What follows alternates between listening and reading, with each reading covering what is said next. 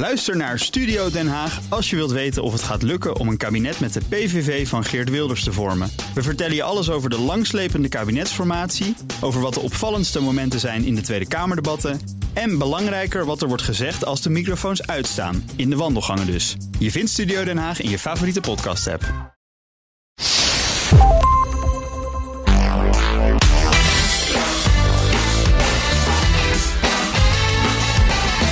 Je luistert naar de Ben podcast, de podcast van BNR Nieuwsradio over persoonlijke en professionele groei. Veiligheid, verbondenheid, waardering, autonomie, zelfexpressie en leren omgaan met grenzen. Het zijn zes basisbehoeften die we allemaal hebben. Succesvolle leiders die houden daar rekening mee. Dat zegt mijn gast Leon Schaapkens.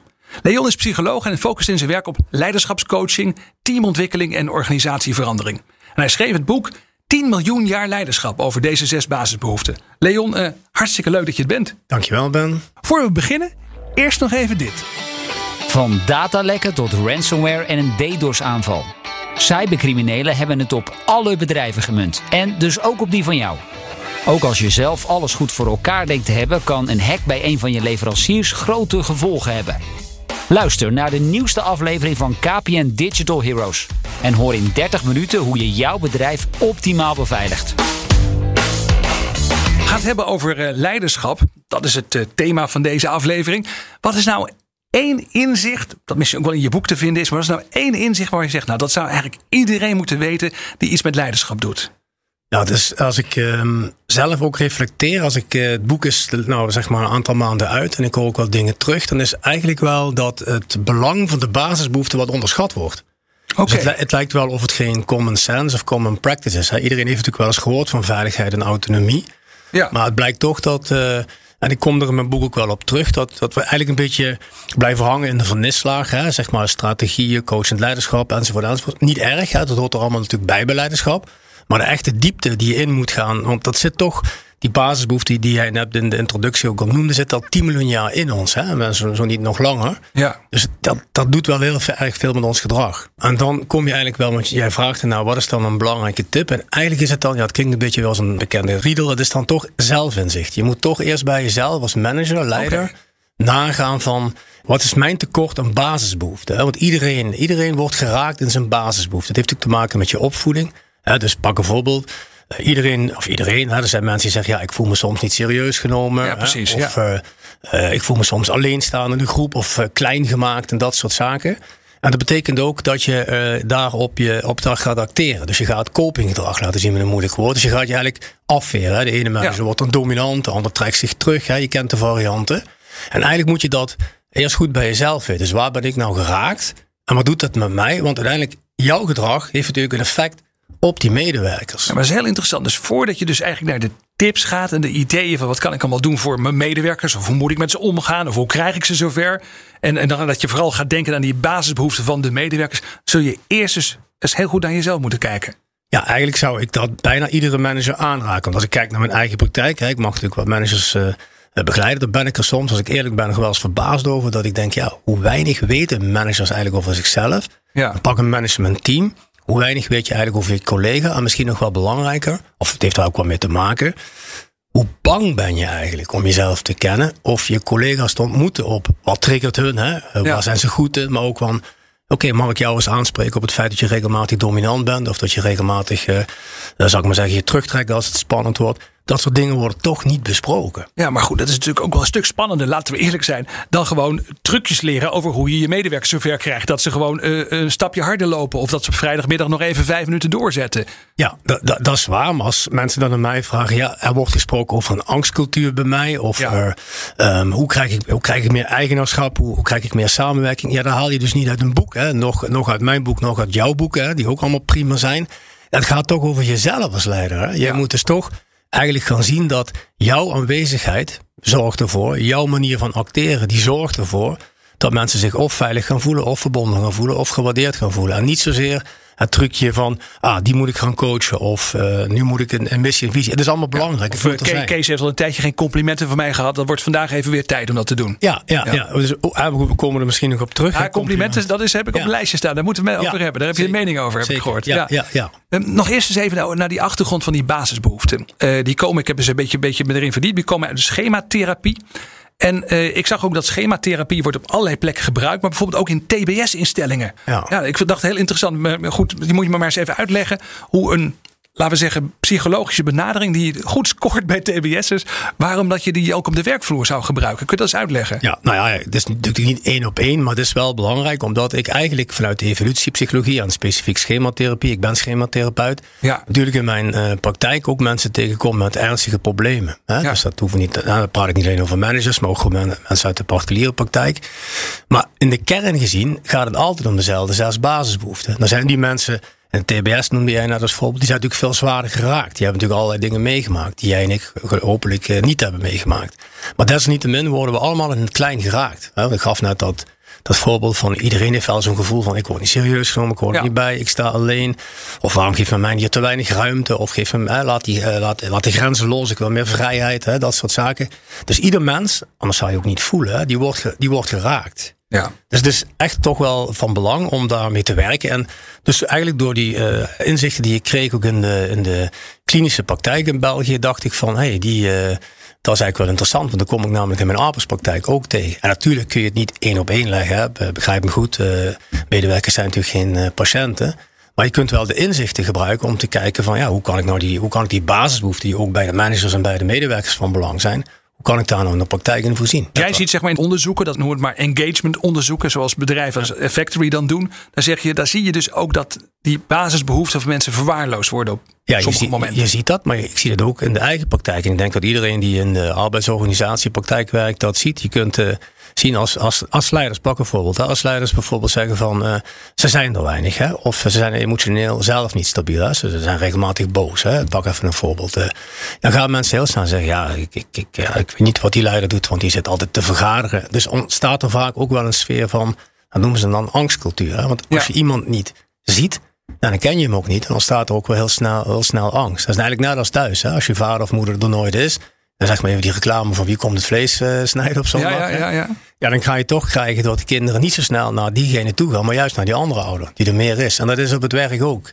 Dus angstculturen, verbinding. Hè, dus verbondenheid, de tweede basisbehoefte. Als de leider er niet is. Of hij uh, geeft geen openheid. Uh, hij durft niet empathisch te confronteren. Hij geeft geen richting. Het zijn allemaal uh, elementen die voor mensen van belang zijn om zich goed te voelen. En als je je niet goed voelt, ja, je gaf het eraan, dan gaan de werkattitudes, zoals eh, betrokkenheid, uh, motivatie, welzijn, die gaan naar beneden. Ja, ja, dat is dus wat er gebeurt als mensen niet inspelen op die basisbehoeften, ook dus van de mensen om hun heen. Dan veroorzaak je dus dit soort problemen op termijn. Ja, ja. en dat kun je dus dat kun je meten. Hè. Dat uh, wordt ook regelmatig gemeten. Ik doe het zelf ook wel eens. Je kunt het soms bijna ruiken als je binnenkomt. Oké, okay, bijna ruiken, ja, doe eens nou, voor. Ja, nou, dat via de radio is wel ingewikkeld, maar je kunt wel, ja, je, soms als je binnenkomt, dan zie je het. Hè. Deuren zijn dicht, mensen zijn, reageren op een bepaalde manier, dus je voelt als het dat er geen openheid is. Hè.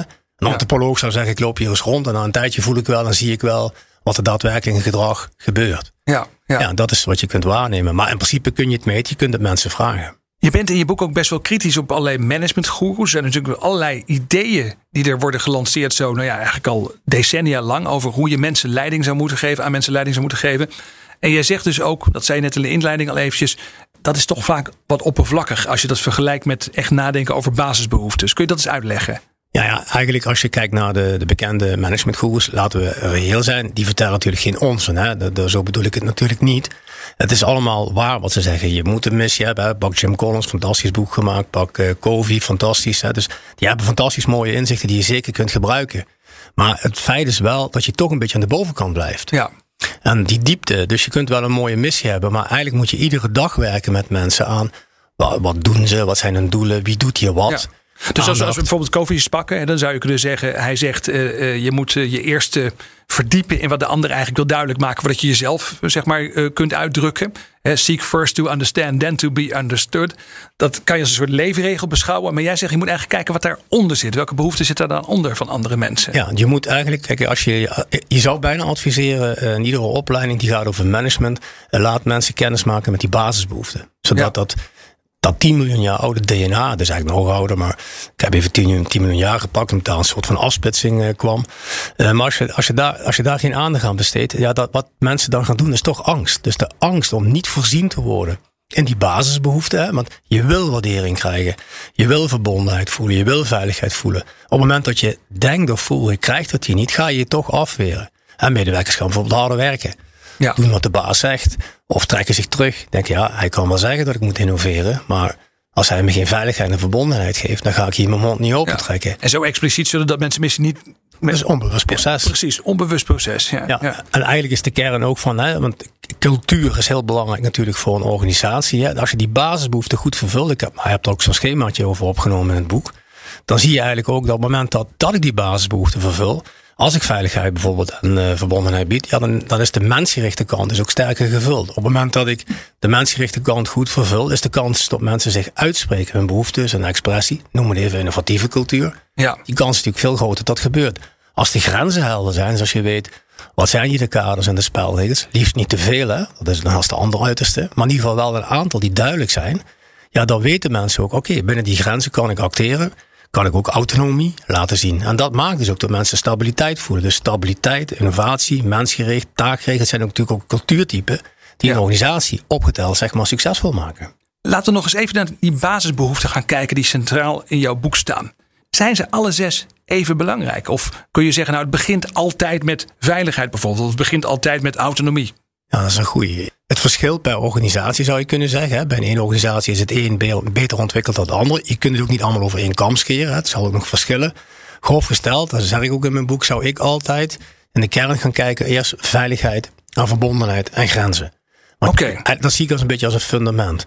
Veiligheid, dat draait om? Nou, veiligheid, dat gaat erover dat mensen zien dat eigenlijk simpelweg eh, de baas aanwezig is.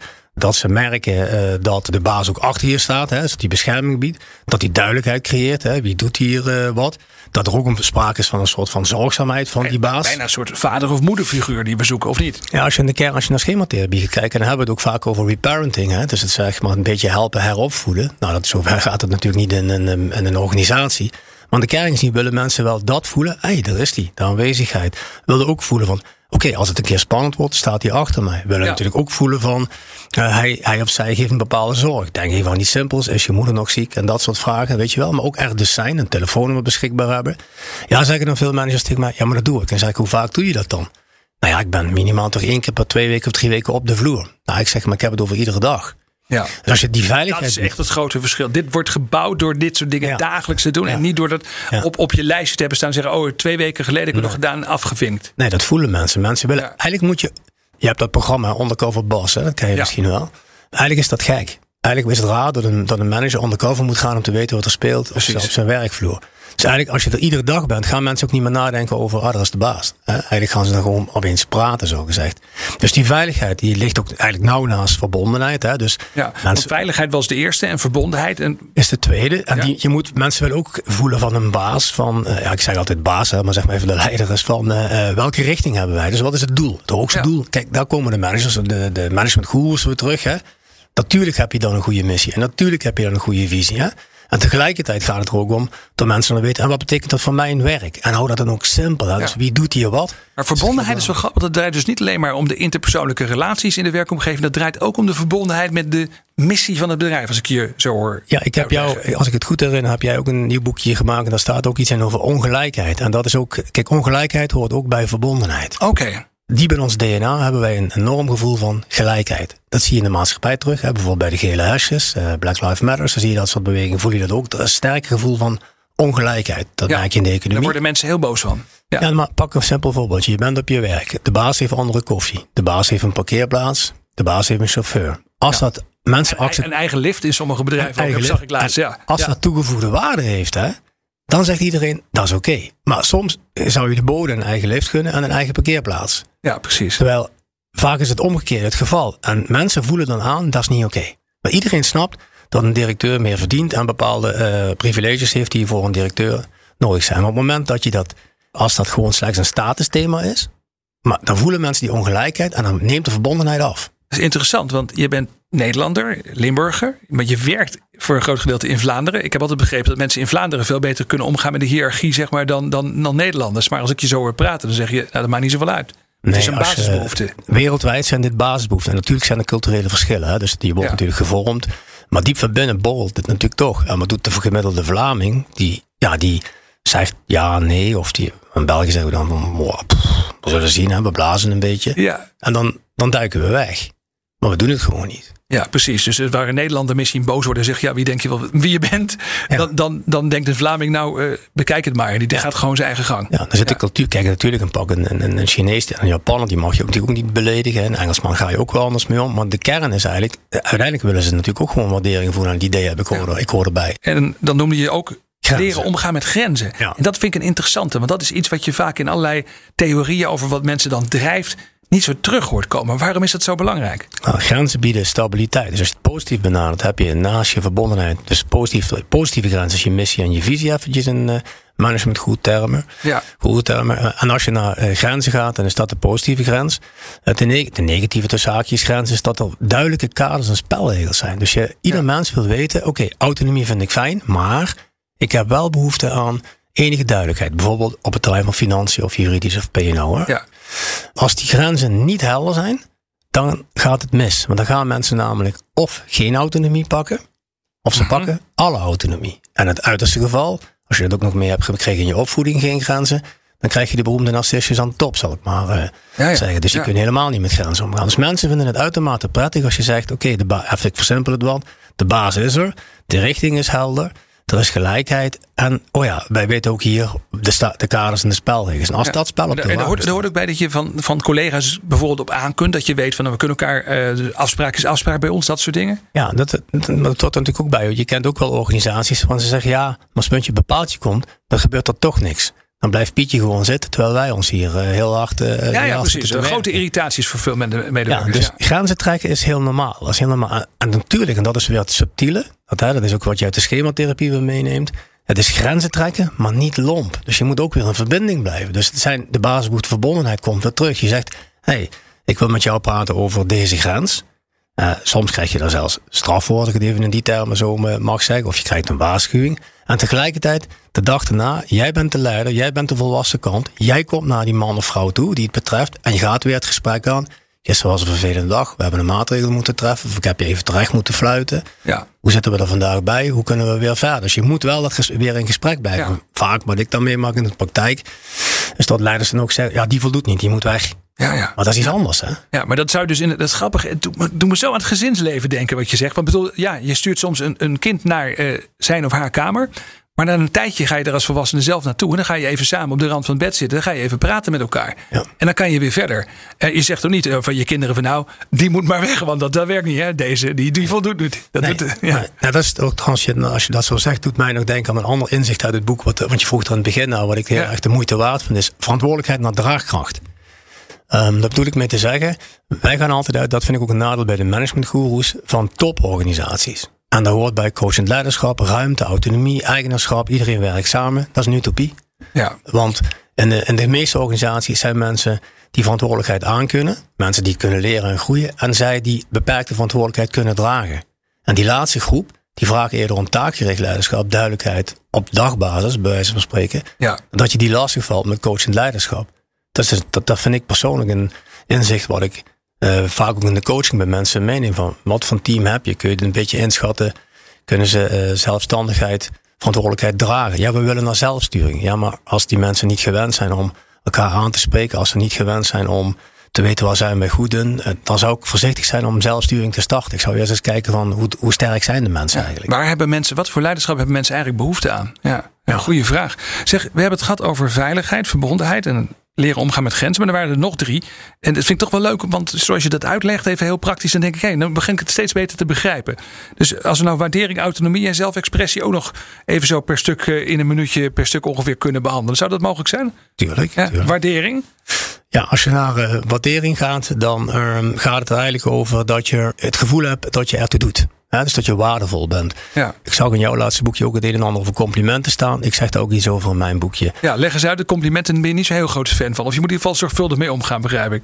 Ja, je, eh, je moet, nou ja, ik, laat ik het anders formuleren. Ik ben voor complimenten, dus complimenten zijn goed. Maar je moet, ze moeten wel, eh, zou ik maar zeggen, realistisch zijn. Ja. Dus op het moment dat je een compliment geeft wat informerend is en realistisch. Bijvoorbeeld, oh, je hebt die nota heel erg mooi geschreven. Hè, eh, ik zag daar de probleemstelling heel erg goed terugkomen, iets in die sfeer. Dan zeg je iets over iemands gedrag. Ja. En dan bouwt het op. Als je tegen iemand zou zeggen, dat was de beste nota ooit. ja. Dan zeg je eigenlijk, Dat gelooft niemand.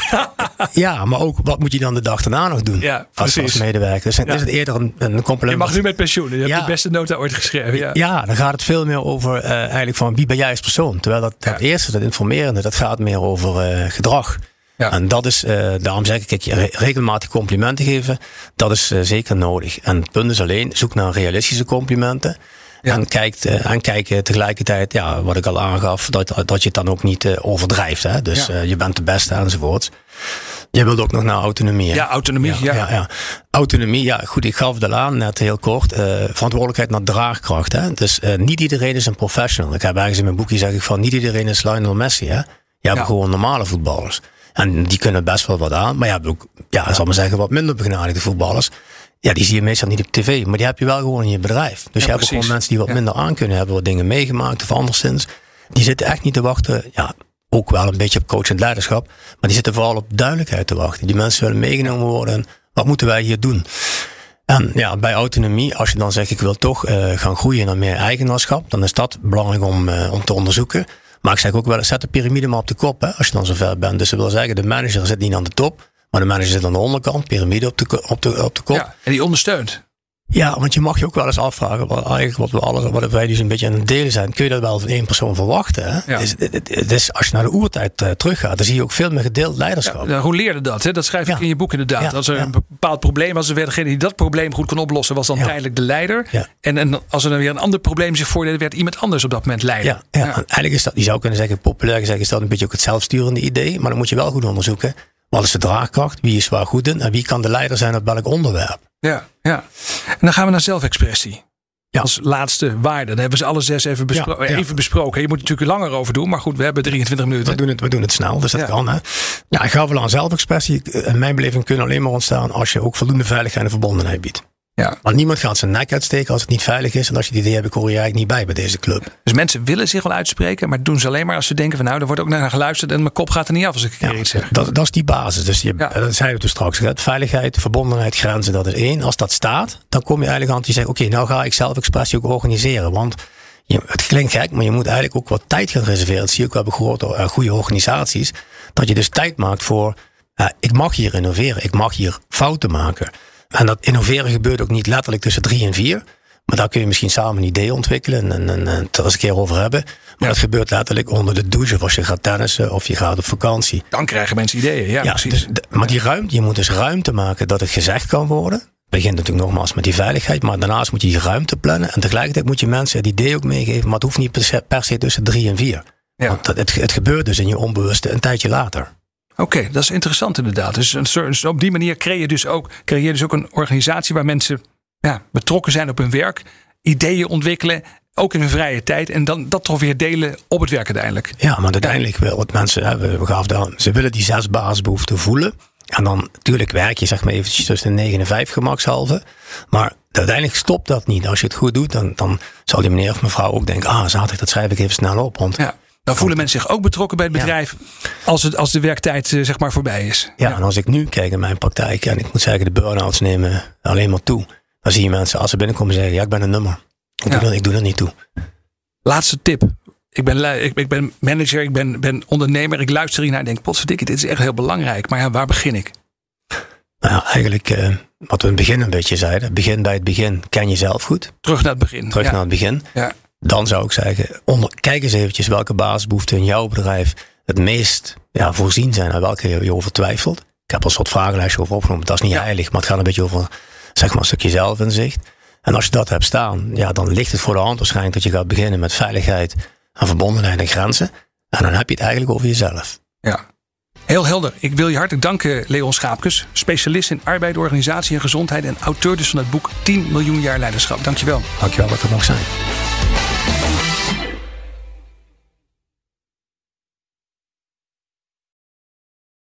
Ook Diana Matroos vind je in de BNR-app. Ja, inderdaad. Je kunt live naar mij luisteren tijdens de Big Five. Ook handig in de BNR-app. Breaking nieuwsmeldingen, maar ook het allerlaatste zakelijke nieuws.